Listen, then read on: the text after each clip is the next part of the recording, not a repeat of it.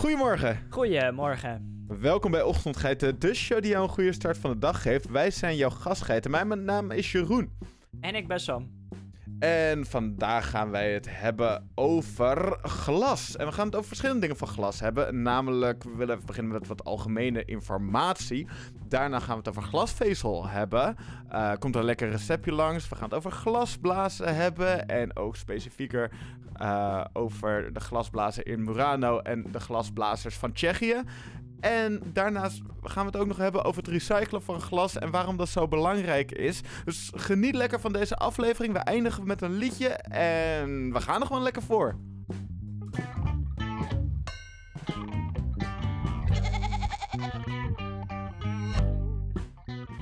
Heb jij wel eens op het strand gelopen en dan naar je voeten gekeken en gedacht: hoe wordt hier in godsnaam glas van gemaakt? Niet Mm, van je voeten, maar van het zand aan je voeten. mm, denk het niet. Ik heb, het, Nee? ik, ik, ik heb nooit de realisatie gehad terwijl, ik op, terwijl er zand op mijn voeten zat. Ik heb het wel vaker gehad dat ik gewoon de gedachte had van hoe wordt glas van zand gemaakt. Maar nog nooit eh, wanneer ik ook echt in de buurt was van zand. Oh, grappig. Ja, ik had dat wel altijd. Dan, nou, altijd is een, een overstatement. Maar dan was ik op het strand en dan keek ik naar al dat zand. En dan dacht ik, hé, hey, wacht even. Dit is gewoon waar glas wordt van, van wordt gemaakt. Hoe dan? Maar Ehm. eigenlijk is, is, is, eh, is zand, is dat eigen, ik bedoel, is glas, dat is gewoon zand. Dat is gewoon puur zand, toch? Niet helemaal. Ehm, maar ik, ik zal het uitleggen. Ehm, want er komen verschillende dingen bij kijken. Ehm, glas, om te beginnen in de basis, wat de, de, de scheikundige eh, formulatie ervan is. Het is een amorfe vaste stof. En ik ga uitleggen wat dat betekent.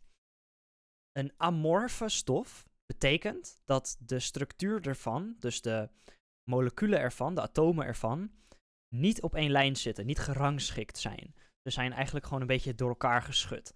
Ehm, en eh, je hebt toch wel eh, vast wel een keertje, eh, of ik weet niet of je die autistische trekjes had vroeger, maar dat je allemaal knikkers gewoon tegen elkaar aan ging leggen en dan in rijtjes onder elkaar, of niet? Nee, ja, ja, ja, ja, zeker. Ja, Tuurlijk. Dat, maar dan zeg maar komt iemand en die zegt gewoon en die gooit het allemaal door elkaar.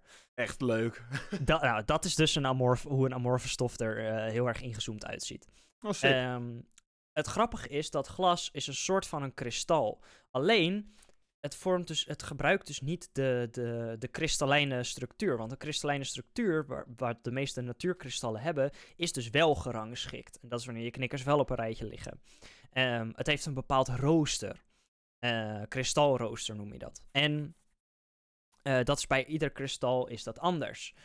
Eh, anders gevormd, want het gebruikt natuurlijk andere moleculen, andere samenstellingen van, van atomen. Maar, nou komt ie. Ehm, glas is dus amorf. Dat betekent dat het al- alle kanten op zit. En de bekendste verschijningsvorm hiervan is het kleurloze glas, wat wij allemaal kennen.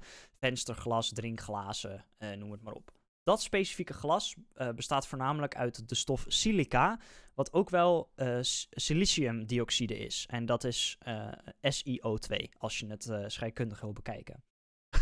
Hoewel glas dus geen kristalstructuur heeft, is het, net als veel kristallen, doorzichtig en treedt er in glas, net als in kristal, lichtbreking op. Dat betekent dat als er licht doorheen schijnt, dat het dan gebogen wordt, afgebroken wordt. Ehm, Glas is opgebouwd uit ongeordende moleculen ehm, en die vormen wel een vaste stof. Hoewel het tegenovergestelde, eh, eh, oftewel het tegenovergestelde van, van kristallijn of kristal. De benaming kristalliseren als synoniem voor het stollen van glas is dus ook niet juist, want het is niet het kristalliseren van iets, want het vormt geen rooster.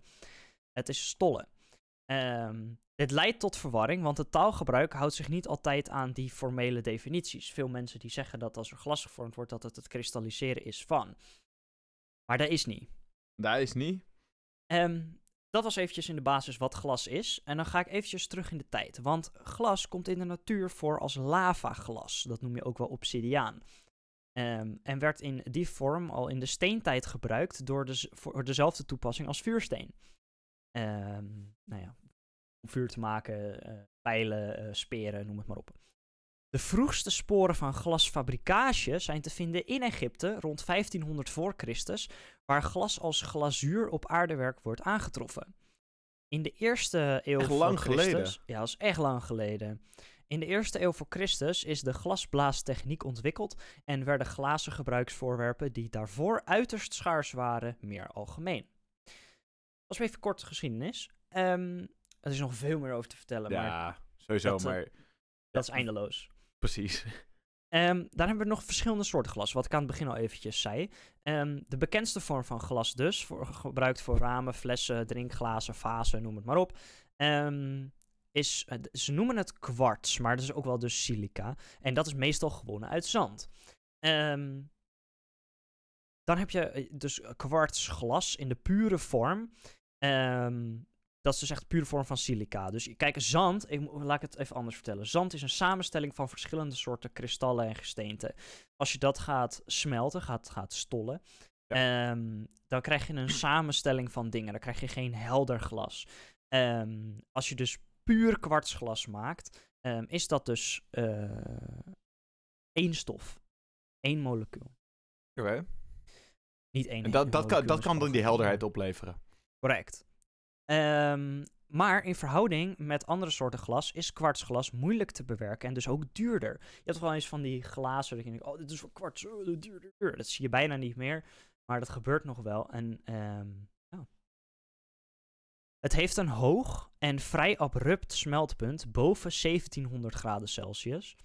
En kwartsglas wordt alleen voor speciale doeleinden toegepast. Bijvoorbeeld in ehm, ja, bepaalde UV-glazen en ehm, voor ampullen die hoge temperaturen moeten kunnen doorstaan. Nou ja, eh, scheikundig glas moet hoge temperaturen, dus daar wordt het wel eens voor gebruikt. Dan hebben we kristalglas. Nou, die, die term komt we, voor de meeste mensen wel bekend voor, denk ik. Eh, voor gebruiks- en vooral siervoorwerpen. Eh, kristalglas, of kortweg kristal eh, wordt het genoemd. Het is eh, dus wel een glas.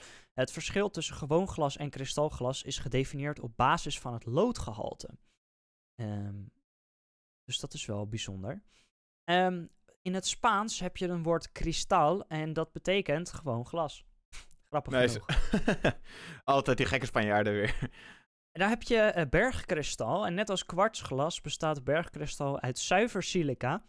Door de lange tijd die het kristalrooster heeft gekregen om zich te vormen, is het quasi volmaakt gekristalliseerd. Het rooster bestaat uit regelmatige eh, eh, trappen, zeg maar, in een driedimensionaal patroon gerangschikt zijn. Daarmee een kristallijne vaste stof en niet een glas. Van buitenaf is dat verschil niet goed te zien, maar in een eh röntgen-diffractiepatroon, zoals je dat noemt, is het verschil erg groot. En daarin kijk je echt heel erg in op het rooster, op het kristalrooster.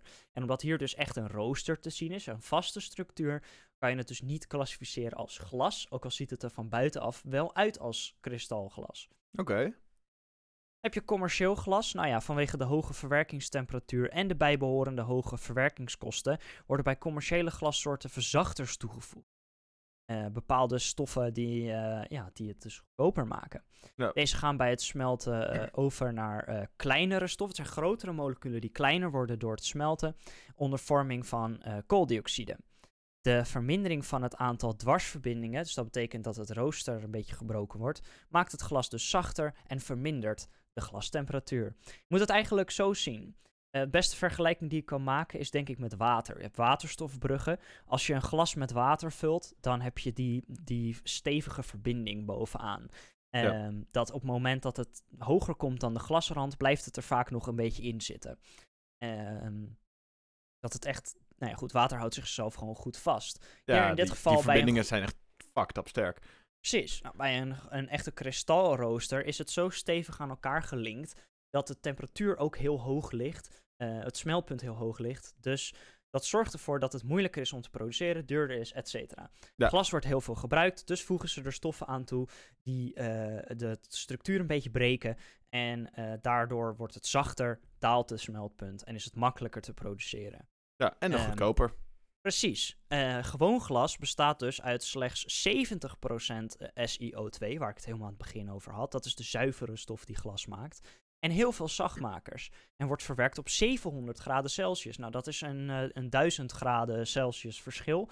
dat eh, kan je voorstellen dat dat nogal eh, het heel veel makkelijker maakt om het te produceren. Ja, precies. Ehm, nou ja, wegens de samenstelling, omdat het calciumoxide en natriumoxide gebruikt, ehm, heet het ook wel natron-kalkglas. Eh, het heeft een hoge thermische uitzetting en is daardoor niet geschikt voor laboratoriumtoepassingen. Wat ik net al eventjes noemde. Als je dingen in een laboratorium wil doen, moet je hoge temperaturen hebben. Je wil niet dat als je iets onder een gasbrander zet in een eh, bepaalde fles, dat het gewoon, eh, dat is niet het goede woord, maar snap wat ik bedoel, dat het dan gewoon door het rooster heen smelt. Ja. Ehm, dan krijg je zo'n ding dat je een plastic bakje per ongeluk in de oven doet en dan, eh, is- Iedereen heeft dat wel eens eh, gehad, denk ik. Precies. Ehm, een glas wordt daar met een bijzondere samenstelling eh, of het veel duurdere kwartsglas eh, gebruikt ehm, bij laboratorium eh, eh, eh, toepassingen. Ja. Nou, dan heb je nog drie eh, grote groepen waar commercieel glas in wordt verdeeld. Het vlakglas, verpakkingsglas en technisch glas. Eh, bij vlakglas moet je denken aan ramen, autoruiten, eh, spiegelglas, dat soort dingen. Verpakkingsglas, nou ja, logischerwijs flessen, glazen, vazen, gloeilampen. En technisch glas, glasvezel, eh, glaswol bijvoorbeeld.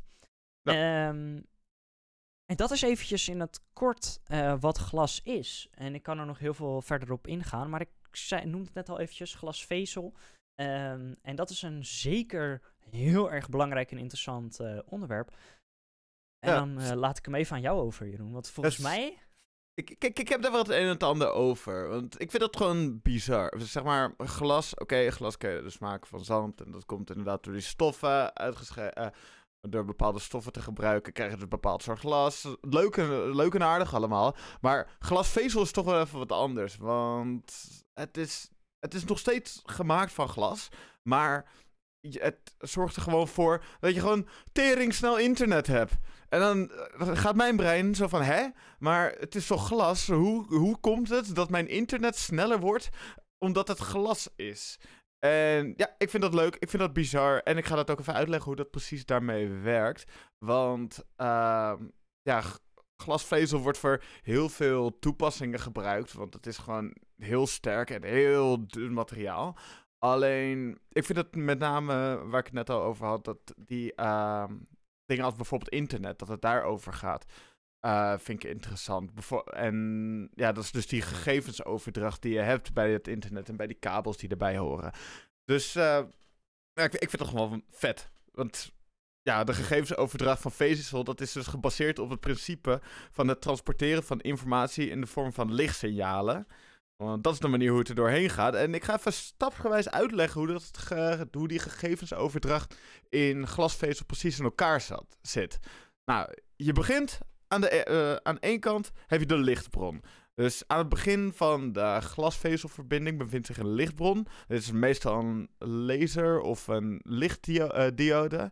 En, dit, eh, en deze lichtbron die genereert lichtpulsen die informatie bevatten. Nou, dan heb je eh, die informatie die wordt gewoon omgezet in, in langere fotonen en kortere fotonen. En daar worden gewoon de eentjes en de nulletjes mee verzonden.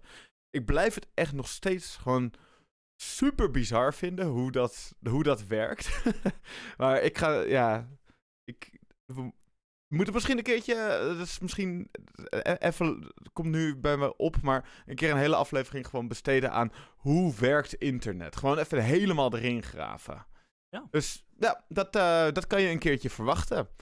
Dat we dat eh, lekker gaan maken, want ik vind dat super interessant. Maar in ieder geval, het wordt dus eh, in licht verpakt en wordt dus eh, vanuit die lichtbron verstuurd. Eh, vanuit daar eh, wordt het ingevoerd in de glasvezelkern. Want de gegenereerde lichtpulsen worden in de kern van de glas, eh, glasvezels ingevoerd. De kern is gemaakt van zeer zuiver glas en eh, ja, fungeert als een geleider van dit licht. En hiernaast, dat vind ik ook wel insane, want hiernaast heb je totale interne eh, reflectie. Dus wanneer dat licht door die kern reist, ondergaat het herhalen, eh, herhaalde totale interne reflecties aan de grens tussen de kern en de bekleding. Dus het gaat eigenlijk, het stuitert een beetje de hele tijd heen en weer ertussen. En deze reflectie zorgt ervoor dat de licht binnen de kern blijft en zich voortbeweegt naar het andere uiteinde van de vezel. Nou, overdracht van lichtsignalen is dan de volgende stap. Want het licht dat door de, uh, door de totale interne reflectie wordt behouden, transporteert de informatie in de vorm van lichtpulsen over de lengte van de glasvezel. Omdat het licht bij elke reflectie behouden blijft, kunnen signalen over grote afstanden worden uh, overgedragen met echt het minimale verlies van signaalsterkte. En daarom werkt het ook zo goed. Het blijft gewoon binnen die kern en wordt daarmee verzonden. Uh, bizar. Ja, het is echt bizar. Maar vooral te bedenken dat de meeste huishoudens bijvoorbeeld in Nederland, die hebben internet. En dat het een soort van weten waar het naartoe moet. En hoe, ik blijf het bizar vinden. Maar daar gaan we het op een latere aflevering nog over hebben. Uh, daarna is de ontvangst aan de andere uiteinden. Want aan de ontvangende uiteinde van de uh, glasvezel bevindt zich een fotosensor. En dit is dan meestal, een fotodiode. En deze sensor detecteert de aankomende lichtpulsen en zet ze om in elektrische signalen. Dus wat het weer gaat van die uh, korte frequenties en die lange frequenties, wordt het uh, ja, wordt daarna weer, opge wordt dan weer opgevangen en dat wordt dan weer in elektrische signalen omgezet. Ja, een soort uh, morsecode, maar dan uh, veel uitgebreider en veel sneller. Ja, precies, inderdaad. En daarnaast heb je nog de signaalverwerking. Dus de resulterende elektrische signalen worden verder verwerkt, gemoduleerd en omgezet in de oorspronkelijke digitale informatie. Deze informatie kan tekst, afbeeldingen, geluid of andere vormen van gegevens zijn. Dus dat is echt super ziek ja, het proces van gegevensoverdracht in glasvezel biedt ook hele goede voordelen, als bijvoorbeeld hogere datasnelheden, minder signaalverlies over lange afstand en immuniteit voor elektromagnetische interferentie. Uh, en dat is gewoon heel erg belangrijk dat je daar geen gezeik mee gaat krijgen. Want dan is je data gewoon niet, niet meer bruikbaar als het niet goed van punt A naar punt B kan. En dat maakt het ook dat het daardoor heel erg populair is voor uh, ja, communicatienetwerken, internetverbindingen en alle andere toepassingen waar snelle en betrouwbare gegevensoverdracht essentieel is. Nice. Ja. Dus, zo, dus het is eigenlijk gewoon het versturen van licht door een heel klein dingetje glas. En doordat dat dus doordat dat echt in die kern blijft, uh, kan het heel makkelijk van punt A naar punt B. En dan kan daar heel veel informatie over doorgestuurd worden, omdat het gewoon ja, super nauwkeurig is. Je had eerder ook al optische kabels om geluidsignalen uh, over te brengen. En dat is eigenlijk een beetje hetzelfde idee. Daar zit ook een, een, een, een soort glassysteem in, waardoor licht er doorheen uh, gaat. Uh, je, ja. hebt, je, had, je, hebt altijd, uh, ik weet niet of je dat nog weet, in maar je had vroeger, ik weet niet of het nog bestaat, had je van die speeltjes waar, voor kinderen waar Um, van die plastic. Ja, nou, ik denk niet dat plastic is, maar misschien plexiglas of een, een kunststofvorm. Um, van die sprietjes. En dan kwam er licht uit. En dat zag je dan alleen aan het uiteinde. Ja. Um, nou ja, dat is een beetje het idee, denk ik. Ik denk dat je het op die manier oh, best uh, kan laten. Uh, ja, precies. Zo, kunnen mensen, zo kan je het inderdaad even voor je zien. Dan had je altijd zo'n zo'n zo'n bol die uh, van die sprietjes, heel veel van die sprietjes inderdaad omhoog had. En dan kun je dus zo, uh, als je dat uit elkaar hield, dan ging dat alle kanten op. Ja, precies. En dat is mooi. Mooie shit. Weet je wat ook mooie shit is? Eten. Nou, ja. Eten is fantastisch. En het begint steeds kouder te worden. En dat vinden we allemaal niet fijn. Uh, tenminste, ik spreek nu. Ik zeg nu wel allemaal niet fijn, maar dat is natuurlijk voor jezelf, uh, moet je dat uitmaken. Ik vind het in ieder geval, wanneer het koud wordt, vind ik persoonlijk wat minder. Ik hou meer van blije zomers en zo. Maar het geeft wel een goed iets, namelijk het eten van gerechten die je niet zo snel in de zomer zou eten. En echt een winters gerecht vind ik boerenkool stampot met worst. Absoluut. Dus, en het is ook super makkelijk te maken. Dus daardoor geef ik dit recept even deze week. Kan je gewoon lekker door de koude winterdagen en de koude herfstdagen. Kan je gewoon lekker boerenkool stampot eten. En gewoon op een bepaalde manier toch genieten van het koude en barre weer. Nou, hoe maak je het? Ik heb hier een recept voor twee personen. En uh, ja, luister en huiver zou ik zeggen. Uh, je hebt hiervoor 200 gram boerenkool nodig. 500 gram kruimelige aardappels. 1 rookworst. eh 15 gram boter, 100 gram spekblokjes of spekreepjes. Ach man, spekjes zijn zo lekker door de boerenkool. Eh, daarnaast een snufje zout en peper. En je kan er eventueel nog een scheutje azijn in doen als je dat lekker vindt. Ehm, nou, hoe maak je het? Eh, schil de aardappels en snijd grote aardappels in tweeën. Doe de boerenkool en de aardappels in de pan en voeg water toe totdat eh, ja, het alles gewoon lekker onder het water staat. Breng het geheel aan de kook en kook de aardappels en de bloemkolen zo ongeveer 20 minuten. Totdat de aardappels echt goed gaar zijn. Eh, bereid de rookworst volgens de verpakking. Ehm, ja, kook zelf de rookworst in de pan mee. Of eh, gooi het in de magnetron. Dat is soms ook een manier hoe je een rookworst lekker makkelijk kan maken. En ga. Maar ja, het meekoken in de pan zelf is de beste manier. Want dan heb je zo min mogelijk energie eh, nodig. Omdat ja, die pan is toch al warm. Zit toch al water in. Maak daar lekker gebruik van, joh, gek. Ja, joh. Eh, ja, joh. Bak ondertussen een andere pan de spekblokjes. Lekker bruin en krokant. En voeg hier geen olie aan toe. Want spekblokjes uit zichzelf zijn al lekker vettig. En er zit heel veel shit in. Dus eh, je hoeft er geen extra olie bij te gooien.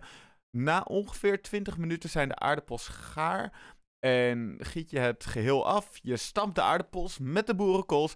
Gooi er even een snufje zout. Een beetje peper. Een beetje azijn. En, lekker boter, eh, en de boter erin.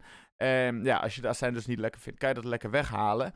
En ja, als de stampot dan nog wat droog, eh, een beetje droog is, voeg je nog een beetje extra boter toe of een beetje melk. Melk kan er ook voor zorgen dat het gewoon nog net wat, wat een, ja, toch een lekker zachte substantietje wordt. Wat eh, wel heel erg lekker is. Smeuig. Lekker smeuig inderdaad. En als je daarmee klaar bent, dan schep je de laatste eh, spek, spekblokjes erin. En wel met het vet natuurlijk dat erbij zit. Want dat eh, smaakt wel heel erg lekker door die boerenkoolstampot. En ja, dan kan je dat geheel lekker serveren. Rookworstje erbij. En smullen maar. Dus Ah. Ga dit lekker maken. Je vindt het receptje in, eh, in de show notes. En dan kan je... Ik wijs ook lekker naar onder. Het maakt ook helemaal niks uit, want dat zie je niet. Maar het gaat erom dat je weet wat ik bedoel. Dus eh, ga lekker naar de show notes toe. En ga het gewoon lekker maken, want ja, het is, het is gewoon wel echt fantastisch. Ik denk dat boerenkool. eh, ik denk en dat, dat misschien is dat niet helemaal zo, maar dat dat een beetje underrated is voor mensen van een beetje onze generatie, dus va- van de, de jongeren. Ik denk dat ze het heerlijk vinden om te eten, maar ik denk niet dat, ehm, dat mensen van onze generatie het snel zelf zouden maken. Nee, het is een eh, Hollandse pot en die wordt gewoon niet meer echt eh, gemaakt door onze generatie.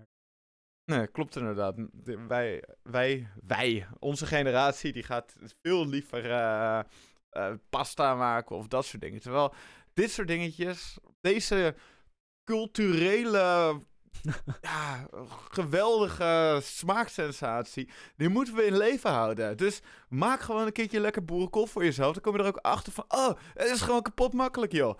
En het enige vervelende is alleen dat je daarvoor wel een, eh, ja, zo'n grote stamper nodig hebt om het te- in te prakken. Ja. En eh, dat hebben heel veel mensen niet. Vooral als je net op jezelf woont, dan is het niet het eerste waar je over nadenkt om een grote prakker te halen. Tenzij je eh, veel boerenkool eet. Dat is of waar. eh, aardappelpuree of iets in die richting. Ach, verse aardappelpuree is ook zo lekker. Ja. Nice, man. Lekker, Krijg er lekker helemaal man. trek van. Ja, ja, ik ook. honger, honger, honger. Hey, Heb jij wel eh, eens eh, eh, vroeger, of nu misschien nu nog wel steeds, dat je als je boerenkool eet of zo, dat je dan zo'n kuiltje maakt voor het jus? Ja, sowieso. Ik heb dus eh eergisteren weer boerenkool gegeten. En daar kwam zeker een kuiltje bij te pas. Nou, dan maak je eigenlijk, vorm je eigenlijk een, een, iets om je eigen creatie te maken. Ehm, en dat eh, kan ook met glas. Eh, je hebt namelijk glasblazerijen, eh, dat noemde ik al eventjes een tijdje geleden. En daar wil ik het eventjes over hebben. Yes. Ehm, de reden waarom komt straks, maar ik wil eerst eventjes in Nederland kijken. We gaan straks naar het buitenland, maar in Nederland heb je in Leerdam een glasmuseum. wat wilde ik wel eventjes benoemen, aangezien we het over glas hebben. En nou ja, Ja. goed, nu is het nog relevanter omdat jij het over boerenkool hebt gehad. Lekker nationalistisch bezig. Ehm, het Glasmuseum Hoort erbij. in Leerdam dus. Er zijn exposities en highlights van een vaste collectie. eh, wat wel gaaf is. Ik ben er zelf nog niet geweest hoor, laat dat duidelijk zijn. Ehm, maar je kan, het, het schijnt echt heel leuk te zijn. En ze hebben ook een glasblazerij. eh, en dan dat ze echt op een um, ambachtelijke wijze laten zien hoe het eh, gemaakt wordt.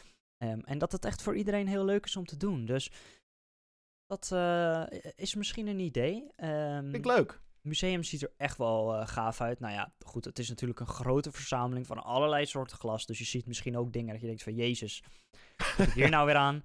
Maar ja, Ja, weet je, soms waren er gewoon fasen eh, in de jaren 70, 80 die men toen heel mooi vond. En nu is het gewoon een beetje jammer.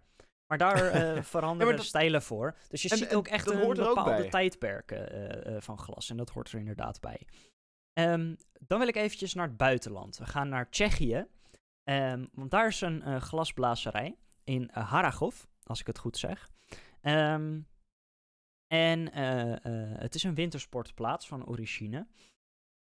Maar die glasblazerij, die is blijkbaar eh, eh, te herkennen aan een hele grote pijp die er boven uitkomt. ehm, waar alle rook en dergelijke eh, uitkomt. En dat zeg je misschien al, eh, geeft al wel een paar hints. Het is de eh, eh, oudste particuliere glasfabriek in Tsjechië. En eh, hij Wat? komt uit 1712. Wow. Ehm, en ik ben er geweest.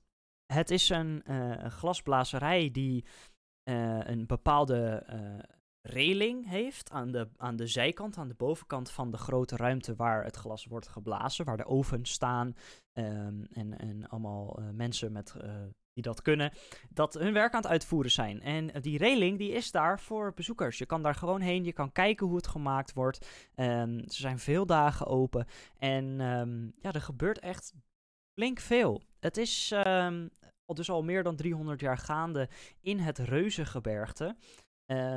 Het wordt daar geblazen en gegraveerd. Eh, de producten die daar vandaan komen, die eh, werden wereldwijd bekend. En verschillende koningen, prinsen en zelfs sultans kochten het glas van de blazerij. Eh, de glasblazerij werd vooral beroemd door de vele tentoonstellingen waaraan het deelnam.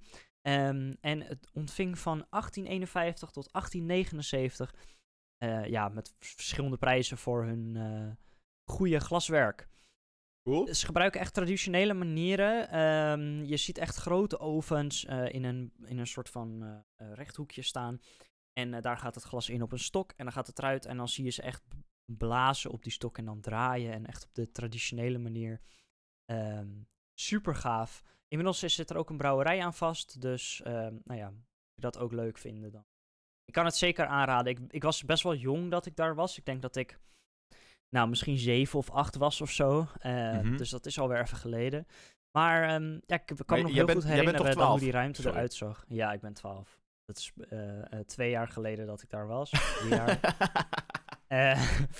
Nee, het is echt wel, wel even geleden, dus ik weet er niet super veel meer van. Maar ik, ik herkende de ruimte meteen op de foto's. Het heeft echt wel impact gemaakt. En ehm, ja, mocht je in Tsjechië zijn, het is sowieso een goedkoop land. Dus hè, mocht je een eh, vakantie willen die niet al te duur is, dan is dat een mooi land.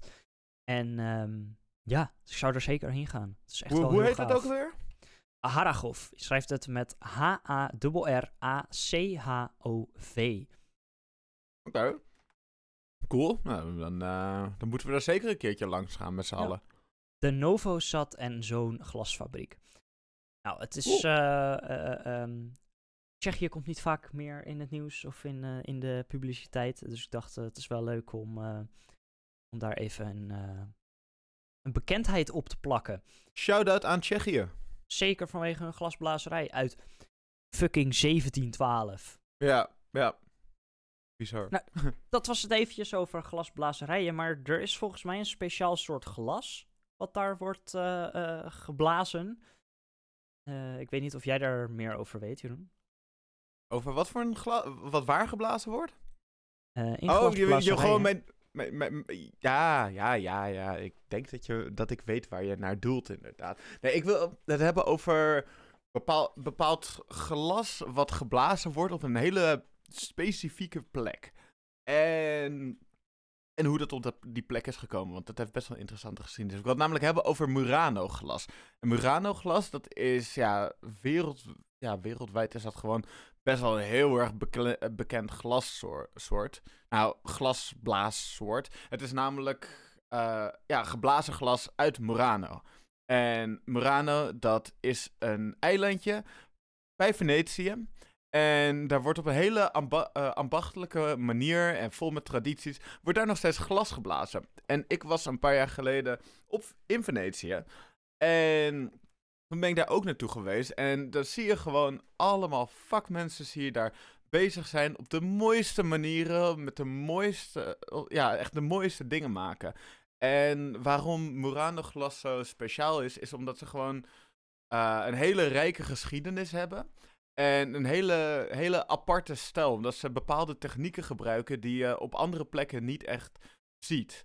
En de reden dat dat is, is omdat eh, Murano glas al, ja, al heel, heel, geheim, heel geheim was. Hoe, op wat voor manier dat gemaakt werd. Want in en nu komt er een heel, hele mooie, eh, mooi jaartal, namelijk 1291. Ja. Dus dat is, een tijdje geleden. Werden alle glasblazers uit Venetië gedwongen om te verhuizen naar het eilandje Murano. En dat is vanwege de brandrisico's. Want als je door de hele stad verschillende van die glasblazers hebt, kan het zijn dat shit gewoon gaat fikken. Dus waarom zet je het niet gewoon allemaal op één eiland bij elkaar? En dan kunnen ze daar gewoon allemaal het gas gaan blazen voor de rest van Venetië. En ja, het, ook werd er wel gezegd dat de bedoeling was om de, gehe- eh, ja, om de geheimen te, eh, beter te beveiligen. Want ze hadden dus hele speciale technieken, eh, wat het heel erg waardevol maakte, dat Murano-glas. En dat wilden ze gewoon heel goed beveiligd hebben. En je, kreeg zelf, je kon zelfs de doodstraf krijgen als glasblazer zijnde wanneer je je kunst naar buiten bracht. Dus wanneer je, wanneer ging vertellen aan andere mensen hoe je iets maakt. Daar kreeg je gewoon de doodstraf voor. En dus eigenlijk leefden deze mensen een beetje als gevangenen op dat eiland. In nog niet 1300 na Christus. Ik vind dat echt bizar. Maar eh, Murano werd dus heel erg, eh, daardoor heel erg beroemd door het glaswerk waarvan niemand wist hoe ze het dus maakten. En ook voor de spiegels. En ook werd op Murano het Aventurijnglas uitgevonden. En later werd het ook nog beroemd om zijn kandelaars, dit eiland Murano. Dus het is echt bizar hoe, hoeveel daar vandaan komt, hoeveel dat eh, heeft opgeleverd. En ja, ik vind het gewoon een hele vette historie hebben. Het nam helaas wel in de 18e eeuw eh, best wel af. Want toen kwam er ook nog een bepaalde glaskunst in Bo Bo Bohemen op. En uiteindelijk werd dat dus wat minder in Murano. Maar tot de dag van vandaag, wanneer je in Venetië bent, kan je het eilandje Murano nog steeds bezoeken. Dan kan je naar daar naar de glasfabrieken gaan. En dan kan je kijken hoe ze het daar doen. En als je in Venetië bent, ga dat echt doen. Want ik heb daar een glazen paardje in elkaar geflanst zien worden. Wat gewoon super dope was om dat te zien. Het, het is echt, ze, ze gooien het dan in de oven, ze halen het eruit en dan gaan ze een beetje aan, aan dat ding, eh, aan die bol met glas trekken. Zodat ze uiteindelijk een volledig paardje dat rechtop kan staan eruit hebben gemaakt. Ik vind dat zo Ja. fantastisch. Nog even terugkomend op het Aventurijnglas, voor mensen die dat niet weten. Het is een groen gekleurde, eh, ja, tot rood-bruin gekleurde variëteit van, eh, van kwarts. Ehm, het is een edelsteen en meestal komt het in groene vorm voor. Ehm, als je in Nederland woont, eh, in de buurt van Noord-Holland, dan ben je vast wel eens in het Tylers Museum geweest. Daar hebben ze ook ruwe aventurijn. Dat kan je daar ook zien. Dan zie je ook een soort groenachtig ruwe edelsteen. Cool. Ehm, het heeft eh, eh, be- bepaalde speciale dingen. Eh, het komt onder andere voor in Rusland en China. Dat maakt het al, eh, eh, nou ja, bijzonder dat het in Murano voornamelijk uitgevonden, ehm, ja. is daar nou niet uitgevonden, maar bewerkt kon worden. Ehm, en de chemische samenstelling zorgt ervoor dat er kleine chroomdeeltjes in, in het, het kristalrooster gesloten zitten. Die zorgt voor een glinstering. Eh, en dat noem je ook wel aventurisatie eh, genoemd naar de soort kwarts. Ehm, dus die glinstering, ja, die maakt het wat unieker. En eh, daardoor is het ook zo bekend geworden vanuit Murano. Ja, vet. Lekker man. En is er nog iets wat jij wilt toevoegen over glasblazen? Nou, vooral dat ik het heel leuk vond om te zien. En dat ik iedereen Ja. kan aanraden om het te gaan bekijken. Ehm, maar anders dan dat. Het, het, zijn gewoon echt kunstenaars die daarmee bezig zijn. Het zijn gewoon mensen die, mensen die daar dingen van maken. Dat is echt, dat is echt zo mooi hoe, ze de, hoe zij het glas, wat op het moment dat, ze, dat het geblazen wordt nog kokend heet is. eh, hoe ze dat glas zo kunnen vervormen dat je er uiteindelijk iets super moois van krijgt. Ik vind het echt bizar. Ja. Leuk man. En het blazen ervan is gewoon ook fantastisch. Want dan zie je ze in een soort van toeter, zie je ze blazen. En dan zie je het op die manier steeds groter worden. En dat is helemaal top. altijd Weet je. Weet je wat ook top is? Het feit dat we dingen niet gelijk eh, hoeven weg te gooien, zodat we het nooit meer hoeven te gebruiken. Maar gewoon dat je shit kan recyclen. En dat is. En glas is daar echt perfect voor. Want glas kan 100% worden gerecycled. En van de scherven kunnen gewoon weer nieuwe glazen flessen en potjes gemaakt worden. Dus ik wil er even meer op duiken op het recyclen van het glas. Omdat dat gewoon moeilijk interessant is. En het is gewoon. Ja, het is ook moeilijk. maar het is tegelijkertijd is het ook gewoon echt fantastisch dat het kan. En dat het zo. Ja, het heeft gewoon zoveel meerwaarde. Om dat gewoon goed te recyclen. En ik wil je ook laten weten dat je het eh, kan recyclen. En waarom het zo goed eh, waarom het zo belangrijk is dat je het gaat recyclen. Omdat het er gewoon voor zorgt dat de wereld een beetje beter is. En hoe het beter wordt, dat laat ik je zo direct horen. Eh, nou, allereerst, wanneer je het dus gaat recyclen, norm- normaal moet je gewoon, wanneer je iets nieuws wilt, moet je dan, in het geval van glas, moet je die stoffen, moet je omzetten, heel erg heet maken. Op die manier kan je ervoor zorgen dat je, dat, eh, dat je die glas krijgt. Maar als je het al hebt, dan is het gewoon zo zonde als je dat weer allemaal opnieuw zou moeten maken. Eh, en ja, ik, eh, ik neem even de verschillende stappen met je door hoe het ook in elkaar zit. Want het begint bijvoorbeeld al bij het scheiden van het glas. Het recyclen van eh, glas begint ook daarbij bij het scheiden van de verschillende kleuren. Dus jij hebt hem, je, hebt, je hebt jouw verschillende eh, flesjes en alles heb je in de bak gegooid. De glasbak. En dan wordt dat meegenomen door de glasbakophaal, meneer en mevrouw. En die gaan het dan op een berg gooien. En dan gaan ze het scheiden van elkaar. En dat is namelijk heel erg belangrijk. Want ja, de verschillende. Het zijn, bijvoorbeeld bondglas. Bondglas is dan weer heel anders dan bijvoorbeeld groen glas of dan bruin glas. En die moeten wel goed uit elkaar gehaald worden. Want dat ze niet op dezelfde hoop terechtkomen. Want ze moeten op, alle, op andere manieren moeten ze bewerkt worden. En in andere producten gestopt worden. Zodat je uiteindelijk hetgene krijgt wat, ja, wat je wilt. En waarschijnlijk ook andere temperaturen, waar we het helemaal Ja. aan het begin van de aflevering over hadden. Dat dat vooral wel een eh, effect heeft. Ja, precies, inderdaad. Dus eh, wanneer, het in de eh, wanneer het in de bak gooit, dan wordt het dus opgehaald en dan wordt het lekker gescheiden van elkaar. En wanneer het glas is gescheiden, wordt het naar een glasrecyclingsbedrijf eh, gebracht. En daar wil ik even dieper op ingaan, want daar, heb je, daar wordt de kringloop van glas wordt daar eigenlijk bewerkt. En daar komt het oude glas, wordt weer gevormd tot nieuw glas. En daar worden we allemaal blij van. Want ja, toch weer het nieuwe glas wat je gewoon eh, koopt, dat bestaat gewoon nu al voor, eh, voor 50 à 80 procent uit, her, eh, uit ja, herbruikbaar glas. Dus weggegooid glas. En dat is gewoon top. Mooi. Hoeven niet nieuwe dingen te maken. Nou, het glasrecyclingsbedrijf begint met het handmatig verwijderen van de grootste stukken vervuiling, zoals bijvoorbeeld aardewerk, plastic en metalen doppen. Vervolgens wordt de resterende vervuiling weggehaald door middel van een machine. Denk hierbij aan steen, porselein, kurken en etiketten. Als de vervuiling zo goed als verdwenen is, worden de scherven ongeveer acht weken opgeslagen. In die tijd verdwijnt de laatste resten van voeding en drank die er anders in zit. Na deze tijd func- functioneert oud glas weer als grondstof. Want glasfabrieken die smelten de scherven Eh, ja, en die maken er dan gewoon weer nieuwe flessen en potten van. Gesmolten gerecycled glas smelt ook op een veel lagere temperatuur dan het ruwe materiaal.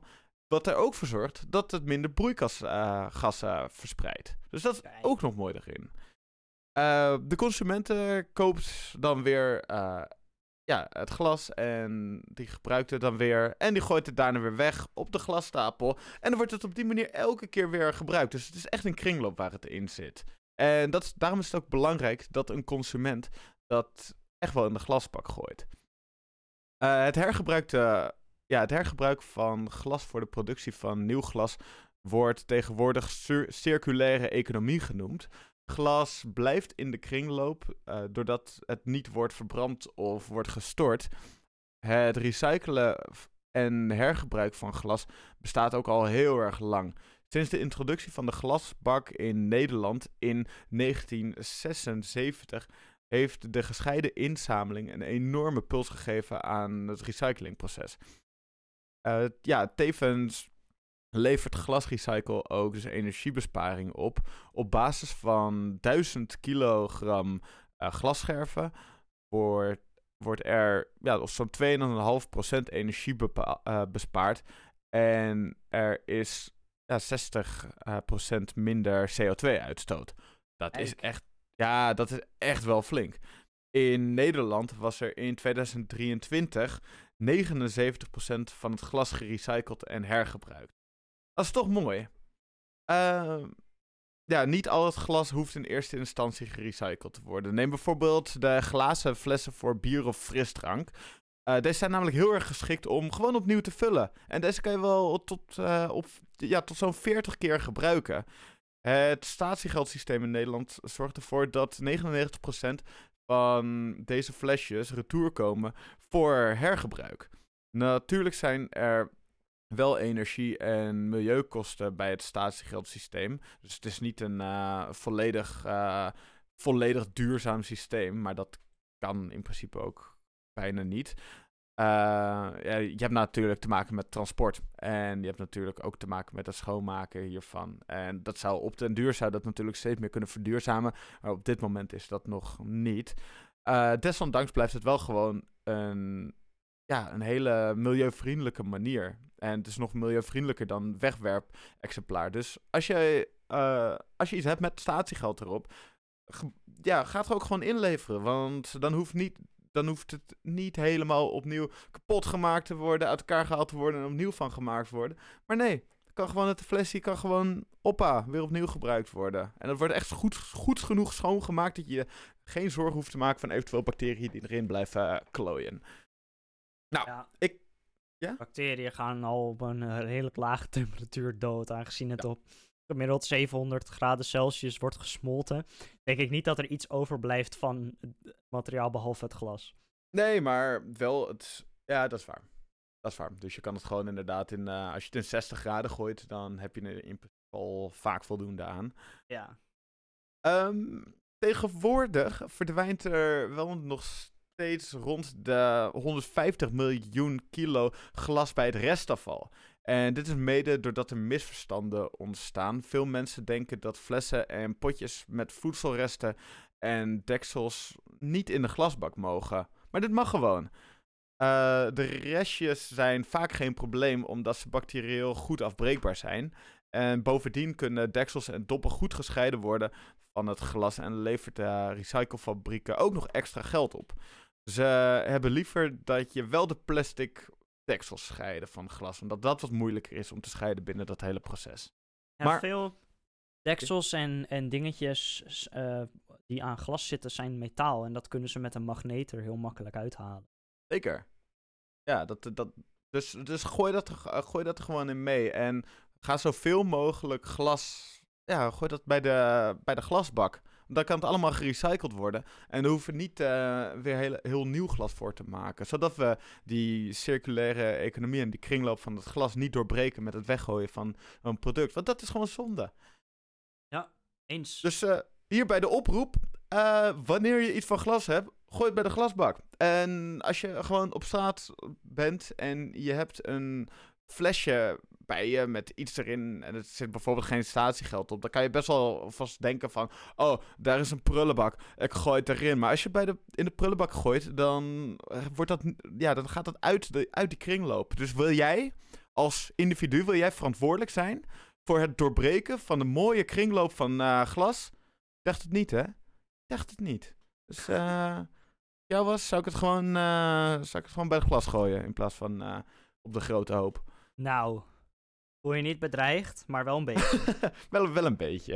ik weet waar je huis woont, bro. Ja. Ja. ja, is gewoon belangrijk, weet je. We zeggen het bijna elke aflevering, maar het behoud van onze planeet hangt er vanaf. Dus doe gewoon. Het is weinig ja. moeite. En kring, kringloop is leuk. Het is gewoon leuk dat, dat die shit omgezet wordt en weer nieuw glas. Hoe mooi ja. is dat? Mooi. Ja, fantastisch. Weet, je wat, wat ook mooi is? is? Ja. Nou, tijdens in koor. Uh, muziek, als, het, als je dat tenminste kan, mooi kan vinden, dan is muziek heel mooi. En uh, wij hebben natuurlijk weer twee mooie liedjes uitgezocht. Ik wou bijna uitgevonden zeggen, maar die aflevering hebben we al gehad. Um, en uh, de muziek die wij uit hebben gezocht is ja, op, op ieder specifieke manier bijzonder. Jeroen, welk liedje heb jij uh, klaarstaan? Ik heb een, liedje van de Stone Roses klaarstaan. En dat is nummertje I Am The Resurrection. En ik vind het altijd leuk om een beetje uit te leggen hoe ik, dat nummer, uh, hoe ik aan het nummertje ben gekomen. Dus uh, ga ik het hierbij natuurlijk weer doen. Ik was op Rock Werchter in uh, Belgeland. En daar was ik, uh, er was even geen band aan het spelen, was bij Mainstage en ik was gewoon aan het rondlopen en een beetje het eten, dat soort dingetjes doen. En toen hoorde ik op een gegeven moment dit nummertje langskomen en het was gewoon een jam. Het was gewoon een vibe. Het was gewoon, ik ging er echt hard op. Het was fijn. Uh, namelijk, het is ook het eerste, nummer, uh, eerste helft van het nummer, dat is ook met zang. En dat zit gewoon heel goed in elkaar. Ik vind echt hoe ze de zanger doorheen gooien. Ik vind dat gewoon echt fantastisch klinken. Uh, instrumentaal is het ook heel mooi. Maar het tweede deel van het nummer, het, het verandert echt ongeveer op de helft. Uh, dan wordt het gewoon één mooie jam. Het wordt een hele vette jam die gewoon alle kanten op gaat. Waar super goed over nagedacht is. En waar je, uh, tenminste, toen ik het voor het eerst luisterde, en nog steeds als ik het nu luister, dan wil ik gewoon swingen wanneer ik hoor. Ik wil erin losgaan, ik wil erin meegenieten. En dat is gewoon, dat is gewoon zo fantastisch dat, dat er iets gecreëerd is waar je gewoon zo lekker op kan, op kan meegaan, meedeinzen, meebewegen, mee schubben met die heupjes. Het is heerlijk. Dus ik zeg, ga het luisteren. Je kan het vinden in de show notes in onze Spotify-lijst. Dat heet De Grote Aanbeveling. En uh, check het nummertje. zou jij, uh, zou oh. jij zeggen, Jeroen, dat het ja. tweede deel van het lied minder speciaal zou zijn als het eerste deel van het lied er niet zou zijn? Ja, zeker. Wel, ik denk dat het elkaar heel erg goed. Uh, ja, het, het, het, het, complementeert. Complementeert, dank jou wel. Ik geef je een compli compliment voor het geven van het woord complementeert. Uh, Wauw. Ja, weet niet. Klonk heel meta. maar nee, ik, ik denk dat het feit dat die twee na elkaar komen. En het is ook een best wel, zeg maar, abrupte overgang. Want het, het gaat echt eventjes uit, maar daarna uh, de muziek, maar daarna komt het nieuwe. nieuwe maar het, is wel, het moet wel echt als één nummer blijven. Want het bouwt zich er een soort van naartoe op. En die jam die maakt het dan volledig af of zo. Het is gewoon, ja. je, gaat echt, je maakt echt een reis door. Terwijl ik denk, wanneer je alleen het tweede deel van het nummertje, of alleen het eerste deel van het nummertje, dan zou je toch die reis kwijtraken. En dat is zonde. Dus acht minuten trouwens, dus geniet ervan. Ja, ik denk dat jij ook wel weet, Jeroen, dat ik meestal van mening ben geweest dat uh, de liedjes die ik beter vind dan uh, het gemiddelde, zeg maar, vaak langer zijn dan ja. vijf minuten. En um, ja, omdat je een bepaal, je kan bepaalde bewegingen maken en bepaalde overgangen maken en, en, en opbouwen die je niet zou kunnen maken in een lied van onder de vijf minuten. Dus ja, precies. Uh, dat, dat is wel een mooi voorbeeld ervan, denk ik. En, um, Zeker. En ja, de, gaan we lekker luisteren. Het, het, is ook inderdaad als, als nummers vaak onder de vijf minuten die... Je, het is heerlijk, maar je, je, kan geen hele reis doormaken. Inderdaad, door al die stukken van wat je zegt, die opbouwen en elementen die je dan niet in de, in de drie of vier minuten nummers hebt. Dus het is echt, als je, als je echt op een reis wil gaan met het nummer, dan zijn langere nummers vaak gewoon fijn om te luisteren. Maar ja, ze zijn niet handig voor de radio. Dus dat is waarom je ze minder snel hoort op bijvoorbeeld een radio of iets dergelijks. Klopt. En anders, je hebt liedjes die wel, dan ga ik een beetje off-topic, maar je hebt liedjes die ehm, langer zijn, eh, maar dat eh, op de radio maar een kleiner deel wordt gedraaid. Zoals Shining You Crazy Diamond. Die wordt Ja. altijd veel korter gedraaid dan, dan dat die is. Ja, precies. Heb je nog meer inderdaad. Je hebt Nou ook een ga liedje. ik, een, ik ga een liedje aanbevelen wat wel kort is. Ironisch genoeg. Ehm, en dat lied heet Bluebird van de artiest Oneself. En er zit een verhaaltje aan. eh, voor mij in ieder geval. Dit lied, eh, eh, ja goed, het spreekt een beetje voor zich. Ga maar luisteren, lees de lyrics en dan weet je waar het over gaat. Dus daar wil ik niet super diep op ingaan. Maar ehm, wat ik wel erover wil vertellen is dat ik ehm, bij mijn vorige werkgever, nou, ik denk dat dit vier jaar geleden is.